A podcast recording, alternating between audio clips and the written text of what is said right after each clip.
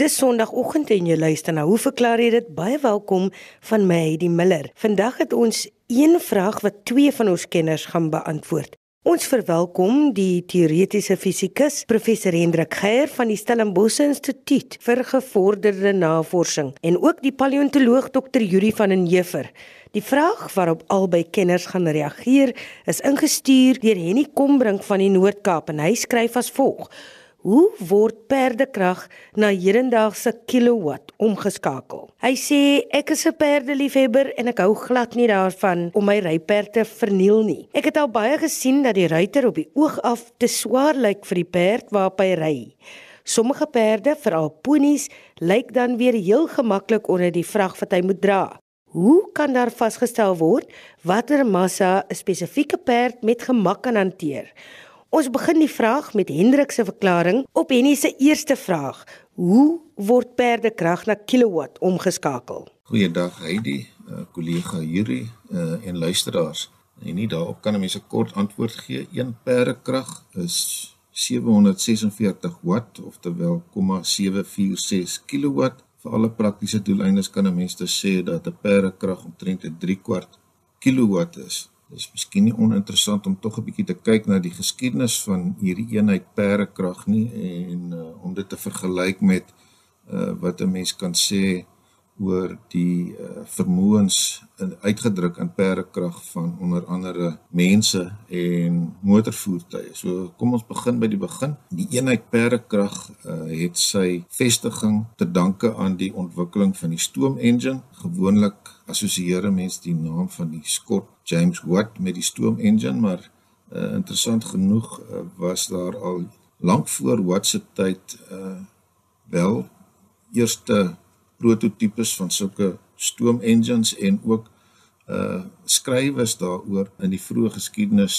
uh, van die mynwese. Uh, so lees ons byvoorbeeld dat ene Thomas Savery uh in 172 in die Miners Friend bespiegel het oor 'n engine wat soveel water omdat die uitpomp van water uit myne 'n belangrike faktor was in die sukses waarmee myne uh, ontgin kon word en daardie werk is destyds deur perde verrig. So hy het uh, bespiegel of gehoop dat uh, so 'n engine uh, wat hy nie beskryf het nie, uh, soveel water soos twee perde sou kon uit die myn uittrek en dan het hy begin bespiegel uh, omdat 'n mens natuurlik nie twee perde aaneenhoudend kan laat werk nie, uh, moes hulle plaasvervangers uh, gereed uh, gehad het. Uh, so hy het, hy het bespiegel dat 'n mens dan uiteindelik kan dink daaraan dat jy dieselfde werk kon doen as spanne van 18, 15 of 20 perde wat uh die hele tyd besig is om te werk. Van die heel eerste stoom engine self is deur 'n voorganger van uh James Watt uh ontwikkel, iemand met die naam van Thomas Newcomen. Hy het in 1712 al 'n eenvoudige prototipe van 'n stoom engine ontwikkel uh waarby stoom by 'n silinder ingetrek is wat dan 'n suier uitstoot en in daardie proses word die stoom met water afgekoel.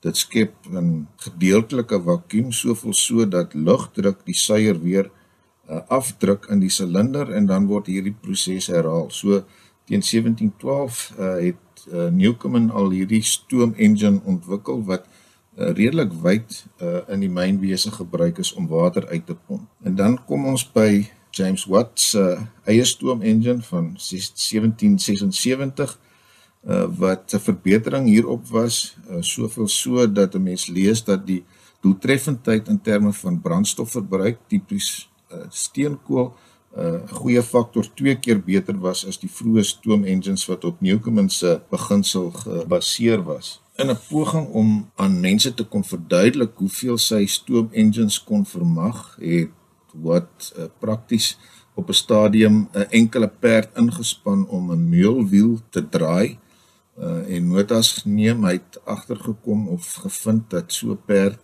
uh, die meulwiel 144 keer in 'n uur kon laat draai. Nou die wiel was 'n 12 voet in radius en hy kon uitwerk uh, hoe ver die perd in 'n minuut moes geloop het en uiteindelik uh, deur aan te neem dat uh, 'n uh, perd uh, omtrent 180 in Britse eenhede pond gewig krag kon uitoefen in hedendaagse terme sou mense omtrent 800 newton kon hy uitvind wat die energie per sekonde was wat so perd kon verrig. En terloops uh, ek moes dit miskien al vroeër gesê het uh, die terminologie perkrag is op die ou ende miskien 'n bietjie misleidend want perkrag is nie in die eerste plek 'n krageenheid nie uh, maar 'n aanduiding van arbeid per tydseenheid. Dit wil sê energie per tydseenheid uh, soos ons uitgewys het aan die begin die metrieke stelsel metrieke stelsel se eenheid vir drywing is is die watt en uh, die ekwivalent van 1 perekrag soos ek reeds gesê het is 1 perekrag omtrent uh, 'n 3 kwart kilowatt. So 'n perekrag is nie in die eerste plek krag nie, uh, maar 'n aanduiding van drywing en wat het met hierdie een enkele eksperiment van hom uitgevind dat en weer eens in Britse terme uh, so perd 33000 voetpond gewig per minuut uh, kon verrig. En dit het min of meer uh, die standaard geword wat uh, gebruik word vir perdekrag. So letterlik het hy daai enkele eksperiment gedoen en dit as 'n standaard uh, gebruik. Daar is 'n bekende storie wat vertel dat uh die eenheid uh, inderdaad geskep is toe een van wat se eerste kliënte wat 'n bierbrouwer was uh, daarop aangedring het dat hy 'n engine wou hê wat ten minste so sterk sou wees soos die uh, sterkste perd wat hy beskikbaar gehad het wat sy werk vir hom gedoen het wat het die uitdaging aanvaar uh, en dit is dan volgens hierdie oorlewering uh, die basis vir die eiking van uh, enkele perdekrag. Nou as 'n mens dit nou vergelyk met sê maar tipiese menslike vermoëns dan vind 'n mens uit dat vir kort periodes kan 'n mens of 'n atleet omtrent 1,2 uh, perdekrag handhaaf.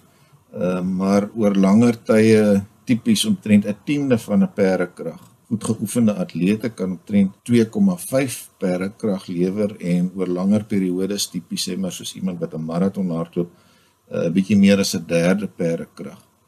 Uh, iemand het die moeite gedoen om die data na te gaan van Usain Bolt se wêreldrekord poging toe hy die 100 meter in 2009 uh, in 9,58 sekondes afgelê het en vasgestel dat hy hier omtrent net kort voor 'n sekonde, 0,9 sekonde in die wedloop in uitset van 3,5 perkrag oftewel 2,6 kW uh, gehad het.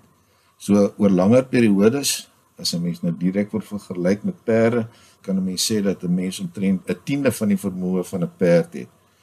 Nou interessant genoeg eh, ten spyte daarvan dat die metrieke stelsel vry algemeen gebruik word, haal motorvervaardigers nog steeds die vermoëns van hulle motor engines tipies aan deur na die perdekrag te verwys. Nou, so het ons onlangs gelees dat daar 'n nuwe uh, wêreld spoedrekord vir 'n sogenaamde produksievoertuig behaal is. Uh, dit is 'n voertuig wat in Amerika vervaardig word, die SSC Tuatara wat 'n spoed van net oor die 500 km/h op 'n stuk pad daar in Nevada uh, behaal het en as 'n mens die spesifikasies hiervan nagaan uh, dan lees jy dat daardie 5,9 liter dubbel turbo V8 masjien 1750 perde krag gelewer het. Uh, dit laat 'n bekende Duitse vervaardiger se sedan wat uh, self nie te versmaai is nie, naamlik 'n 2 liter 'n 4-silinder turbo masjien wat 255 perde krag uh, kan lewer eintlik maar 'n bietjie skamel klink. Terloops hierdie sogenaamde produksievoertuig sien ek het 'n prys of jy kan hom vir jouself aanskaf teen omtrent 'n 30 miljoen rand so mes sou vermoed dat daar nie eintlik veel sprake van produksie in die sin van massa vervaardiging gaan wees nie. Hoe dit ook al sê, uh, nie ek hoop jy uh, die antwoord op jou vraag gekry en miskien uh het ons ook so 'n bietjie kans gehad om na die geskiedenis van die perdekrag te kyk. Uh Yuri gaan nou die tweede deel van jou vraag antwoord. Baie dankie Hendrik. Nou Yuri gesels nou oor die res van die vraag. Hoe kan daar vasgestel word watter massa 'n spesifieke perd met gemak kan hanteer? Goeiemôre Heidi, Henk en luisteraars. Ek dink een aspek van Henny Kombrink se vraag onderstreep iets wat vir baie mense 'n belangrike kwessie is of behoort te wees. En dit is hoe ons diere behandel of mishandel. Sy vraag oor die aanvaarbare gewig van perderuiters is een aspek hiervan. In ons jong dae het waaghalse in wilde weste rolprente tydens die onvermydelike jagtogte met perde 'n dintou met 'n dubbele lus in die vorm van 'n V gebruik om die perde te laat neerslaan. Die tou word deur die ruiter beheer en die twee punte word deur 'n metaalring aan die buikgord geryg en dan aan elke voorpoot vasgemaak. Deur op 'n gegeewe oomblik aan enige kant van die tou te pluk word die perd gepootjie en stort die dier dramaties neer. Die tegniek was onmenslik en vreesaanjaend vir die perde. Baie is beseer en het selfs gesterf. Die welstand van die perde was egter van min belang. Gelukkig is daar tans wetgewing wat hierdie soort optrede verbied en word alle diere vandag beter behandel. Op die gereelde langafstand perderitte hier by ons is veeartse voortdurend teenwoordig om na die welstand van die perde om te sien. Tog is daar gereeld nuusberigte van bloedige hondegevegte waar geld betrokke is, van wrede perderenne aan die Weskus en is dit steeds moontlik om in die omgewing van die internasionale lughawe by Kaapstad soms 'n relatief klein perdekarretjie met 'n wrak van 'n motor agterop en getrek deur 'n onskynlik baie maar perd in die spitsverkeer raak te loop. In hierdie verband is Henny se vraag baie geldig en spreek dit van 'n simpatieke houding teenoor en 'n duidelike besorgdheid oor die welstand van die perde onder ons beheer. Terwyl heelwat redelik onlangse publikasies riglyne voorsien ten opsigte van die hantering en behandeling van saalperde, is inligting oor die vereistes waaraan ruiters behoort te voldoen maar skraps en onduidelik. Selfs in Nederland sluit die 2011 riglyne van die Raad gemoeid met die welstand van selperde niks oor die gewig van die ruiter in nie. Die duidelikste riglyne hieroor dateer uit 1941 en is aanvanklik opgestel deur die Noord-Amerikaanse weermag. Aangesien oorbelaaide pakperde nie effektief in oorlogstoestande aangewend kon word nie, is navorsing om die optimale dravermoë van sulke perde tydens die Tweede Wêreldoorlog uitgevoer en die resultate het aangedui dat die gesamentlike gewig van die ruiter en die bagasie nie meer as 20% van die perd se massa moet bedra nie. Om dit as 'n persentasie weer te gee, word die gewig van die ruiter gedeel deur die gewig van die perd en met 100 vermenigvuldig. Terloops Henk, jy het reeds 'n paar jaar gelede op hoe verklaar jy dit die proporsionele verband tussen gewig en massa verduidelik. In hierdie geval is daardie onderskeid nie krities nie en gebruik ek die twee terme as sinonieme. As 'n mens nie weet hoeveel jou perd weeg nie, kan jy bloot die hoogte van die skof meet en dan by benadering die gewig van die perd van 'n gepubliseerde tabel aflees. Dus as die hoogte van jou perd se skof byvoorbeeld 165 cm is, sal die perd volgens die tabel in die omgewing van 600 kg weeg. As die ruiter byvoorbeeld 85 kg weeg, is sy gewig 14% van die van die perd en val dit gemaklik binne die parameters wat die Amerikaanse leer oorspronklik bepaal het. Alles is egter nie maanskyn en rose nie. Almal weet dat ruiters nie te swaar vir hulle perde moet wees nie. Maar minder mense is bewus van die feit dat ook ruiters fiks en soepel moet wees. Dit is bekend dat perde tekens van rugpyn toon as ruiters swaarder as 20% van die perd se massa is. Die vermoë van 'n perd om sy bewegings te koördineer word dan ook verder belemmer indien die ruiter 30% van die massa van die perd verteenwoordig. In die geval van skraalgeboude perde met 'n lae spiermassa of onervare ruiters wat nie weet hoe om hulle liggame voortdurend tydens die rit oor die perd se swaartepunte balanseer nie, behoort die gewig van die ruiters nie meer as 15% van 'n perd se massa te verteenwoordig nie. Tekens dat 'n perd te swaar gedra het tydens 'n rit is wanneer dit langer as gewoonlik neem vir die asemhalingstempo en hartklop om na normaal terug te keer. Stywe rugspiere 'n dag na die rit en 'n hoër as normaal kreatienkinase telling. Kreatienkinase is 'n ensiem en verhoogde waardes daarvan in die bloed kan op beskadigde spiere dui. Navorsing by die Universiteit van Cornwall het getoon dat slegs 5% van die perderuiters in Brittanje binne 'n perd-ruiter gewigsverhouding van minder as 10% val.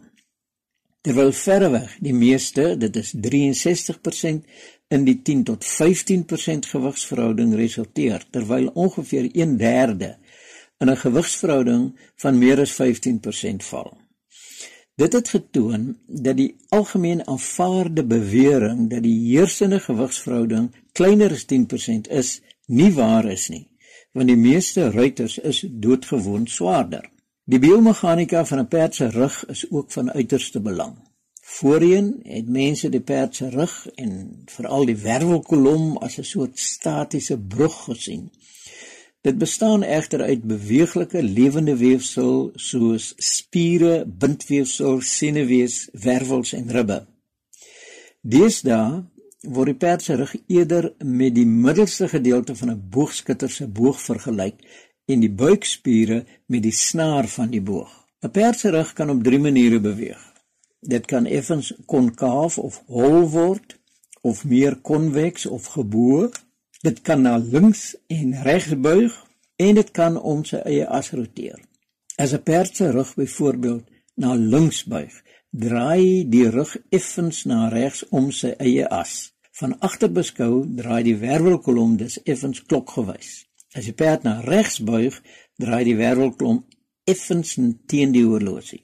Die inherente konvekse en konkawe beweeglikheid van die rug beïnvloed die treelengte van 'n perd. 'n Perd met 'n meer beweeglike rug kan gevolglik langer tree gee. Die gewig van die ruiter speel egter ook 'n rol en 'n ruiter van slegs 75 kg maak die rug meer konkaaf of hol en dit noop die perd dan om sy treelengte te verkort. Die Nederlandse veearts Kruin van Muiswinkel het egter ook daarop gewys dat 'n bedrewe oorgewig ruiter wat saam met die perd beweeg en sy massa voortdurend bo die swaartepunt van die perd balanseer, 'n minder nadelige invloed op die perd uitoefen as 'n skraal beginner wat op en af in die saal sit en stamp.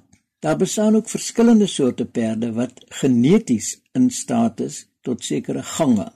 Een wonderlike voorbeeld is die rasegte Peruviaanse perd, die Caballo Peruviano de Paco wat op 'n skouspelagtige manier draf sodat die rug in 'n horisontale vlak feitelik nie beweeg nie. Sulke perde kan dan ook swaarder ruiters met gemak dra. Perde met wye heupe en dikker bene is ook meer geskik vir swaarder ruiters en gevolglik bestaan daar ook 'n formule wat die gesamentlike gewig van die perd en die ruiter as ook die omtrek van die perd se onderbeen in berekening bring. Die antwoord word dan vergelyk met 'n bestaande indeks. 'n Goeie voorbeeld van so 'n tipe perd is die bekende Amerikaanse quarter horse. Dit is 'n klein, bonkige perd en die naam verwys na die perde se vermoë om enige ander perd in wedlope van 'n kwart myl of korter te klop. Daar word beweer dat een van die perde al 'n spoed van 88 km per uur behaal het.